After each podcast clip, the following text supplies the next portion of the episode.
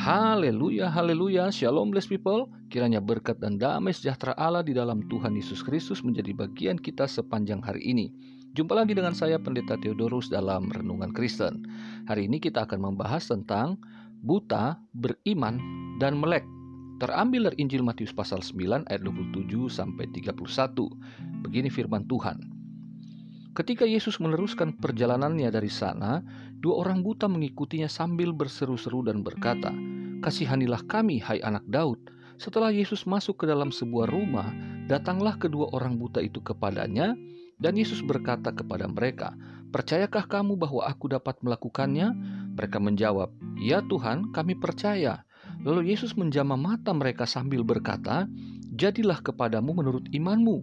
Maka meleklah mata mereka. Dan Yesus pun dengan tegas berpesan kepada mereka, katanya, "Jagalah supaya jangan seorang pun mengetahui hal ini." Tetapi mereka keluar dan memasyurkan dia ke seluruh daerah itu. Nah, bless people ini merupakan serial dari Matius pasal 9 seperti yang saya sampaikan bahwa Yesus telah melakukan banyak karya mujizat dan kesembuhan. Sebelum ayat ini kita telah membahas tentang dua mujizat Yesus yaitu tentang kebangkitan anak perempuan dari kepala rumah ibadat dari kematiannya dan kesembuhan dari perempuan yang sakit pendarahan selama 12 tahun.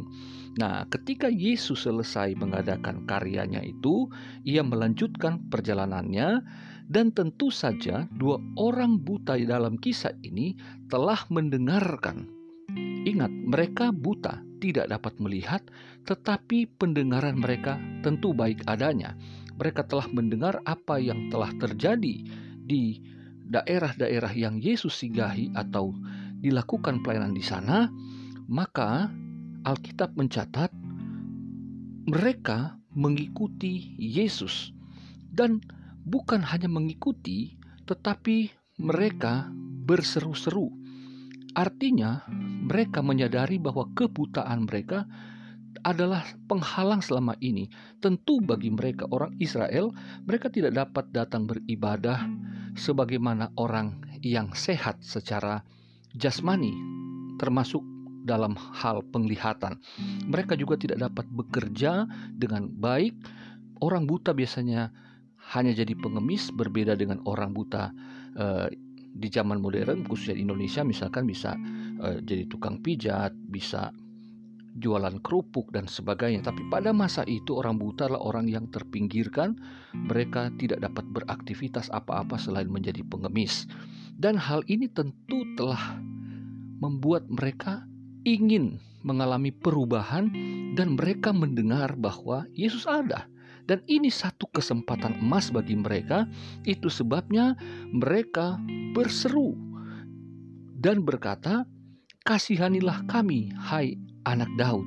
Jadi, yang pertama ini adalah yang penting bahwa mengikut Yesus bukan hanya sekedar mengikuti langkah-langkah ke mana ia pergi, tetapi mereka menyatakan kebutuhan utama mereka dengan memohon belas kasihan Orang buta biasanya memohon belas kasihan orang-orang yang lewat untuk memberikan uang, tetapi sekarang di hadapan Yesus, mereka memohon yang paling esensial dalam hidup mereka, yaitu agar mereka tentu dapat melihat.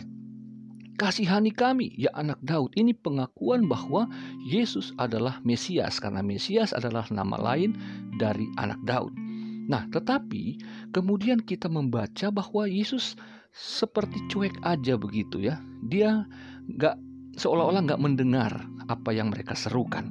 Karena memang nama anak Daud ini terlalu umum juga ya disebut-sebut sehingga Yesus tidak mau ini menjadi penyebutan seperti sebuah basa-basi. Selain itu tentu ia ingin menguji kedua orang buta ini.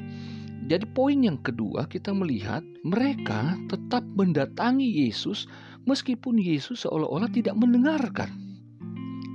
Yang ketiga, mereka ketika mendengar bahwa Yesus sudah masuk dalam rumah, mereka tetap masuk dan inilah yang menjadi poin ketiga, mereka dengan tegas menyatakan, "Ya Tuhan, kami percaya."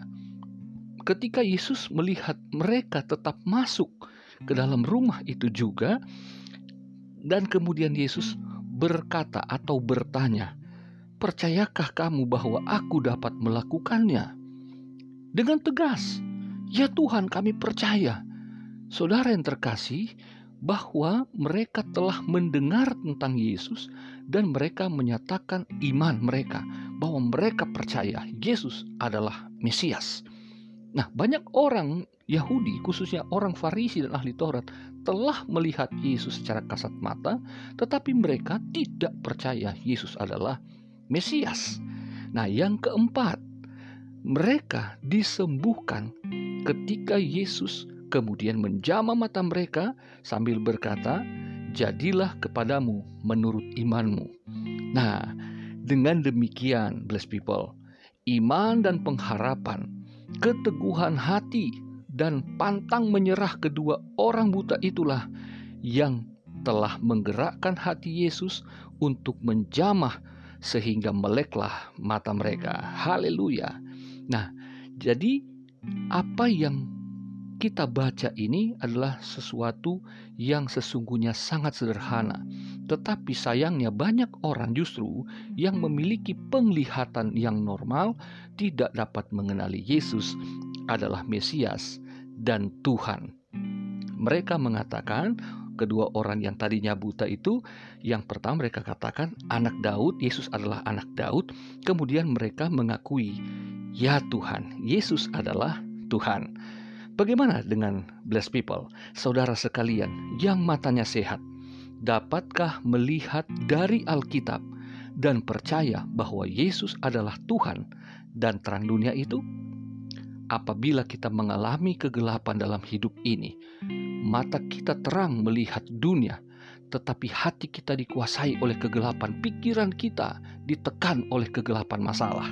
Maka ingatlah, kita punya Yesus, Sang Terang Dunia, yang tidak hanya mencelikkan atau membuat melek mata jasmani, tapi juga dapat membuka mata rohani kita. Apabila kegelapan dosa di hati dan pikiran kita, Yesus sanggup untuk melepaskan ketika kita percaya kepada Dia. Demikian juga dengan kegelapan dalam hati dan pikiran oleh masalah-masalah kehidupan, kita juga percaya Yesus Sang Firman hidup dia sanggup untuk membebaskan kita, membuat kita dapat melihat kembali kehidupan dan anugerah berkat dari Dia. Selamat beraktivitas, Tuhan Yesus memberkati. Haleluya. thank you